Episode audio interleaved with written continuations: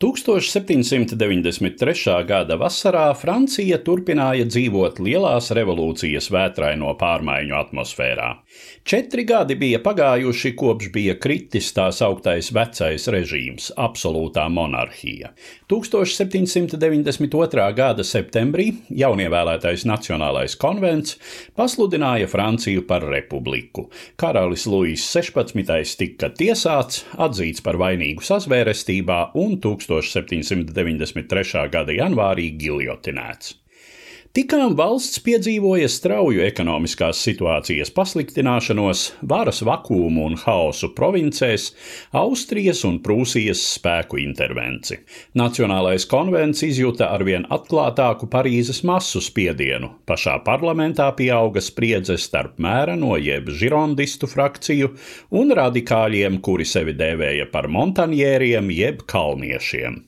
1793. gada maija un jūnija mijā maijā Montanjēri ar desmitiem tūkstošu bruņotu parīziešu atbalstu padzina no varas žirondistus un sāka rakstīt jaunu konstitūciju. Šajā situācijā 1793. gada 13. jūlijā izpaudās ziņa, ka savā mājā noslepkavots viens no Montanjēru kustības līderiem - publicists Žans Pols Marats. Žans Pols Marats piedzima 1743. gadā netālu no Neišateles, kas mūsdienās atrodas Šveicē. Viņa tēvs, spāņu izcelsmes sardīnietis, maiskolotājs Žans Mara, bija labi izglītots un tēva mājās apgūtais bija pietiekams pamats, lai Žans Pols vēlāk sekmīgi darbotos kā ārsts un dabas zinātnieks, filozofisku un juridisku traktātu autors un pat kvalificētos Edinburgas Edinburgas Universitātes medicīnas doktora grādam.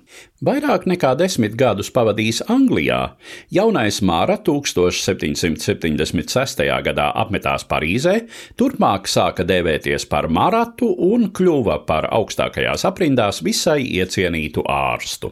Drīz pēc tam, kad uzliesmoja revolūcija, Marats radīja savu konstitūcijas projektu, kurā iezīmējās tam laikam visai radikālais viedoklis, ka sabiedrībai ir pienākums rūpēties par tās trūcīgākajiem locekļiem.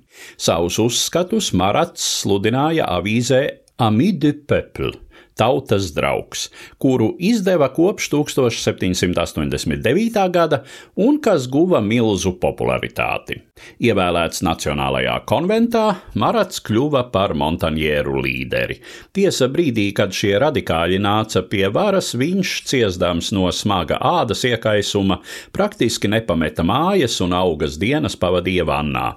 Šādi viņš pieņēma arī apmeklētājus un vannā sagaidīja arī savu pēdējo stundu stundu. Maratu noslepkavoja Šarlote Kordē, tobrīd 24 gadus veca Normandijas sīkmuižnieku atvase. Jaunā dāma bija izglītota un simpatizēja revolūcijai, taču nevarēja pieņemt tās asiņainos ekscesus. Mārāts, kura avīzes un konventa runu nesamierināmais tonis uzkurināja masu radikālismu, Šarlotei visai pamatoti šķita šīs asinskāres iemiesojums. Lēmumu rīkoties jaunā dāma pieņēma tā saukto septembra slaktiņu iespaidā, kad 1792. gada septembrī Parīzes cietumos bez tiesas tika nogalināti vairāk nekā tūkstotis ieslodzīto. Marata mājās Šarlote Kordē iekļuva, apgalvojot, ka viņai ir ziņas par kontrrevolucionāru sazvērestību provincē. Kad mājas tēva uzmanība bija pilnībā koncentrēta domājamo sazvērnieku vārdu pierakstīšanai, viešņa izvilka pirms pāris dienām nopirktu virtuves nazi un ietrieca viņam krūtīs. Marats nomira teju uzreiz, paspējis tikai izkliegt palīgā saucienu. Atsteigušies mājinieki sagūstīja Šarloti, un jau 17. jūnijā viņa kāpa uz ešafota.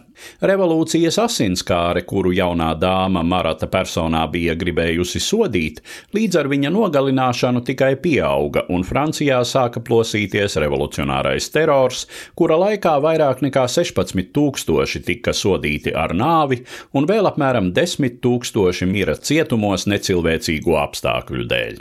Savukārt Žans Pols Marats kļuva par īstu revolucionārā mocekļa etalonu tēlu un personāžu daudzos mākslas darbos, pazīstamākais no kuriem ir Žaka Luija Dāvida glezna Marata nāve, stāstīja Eduards Liniņš.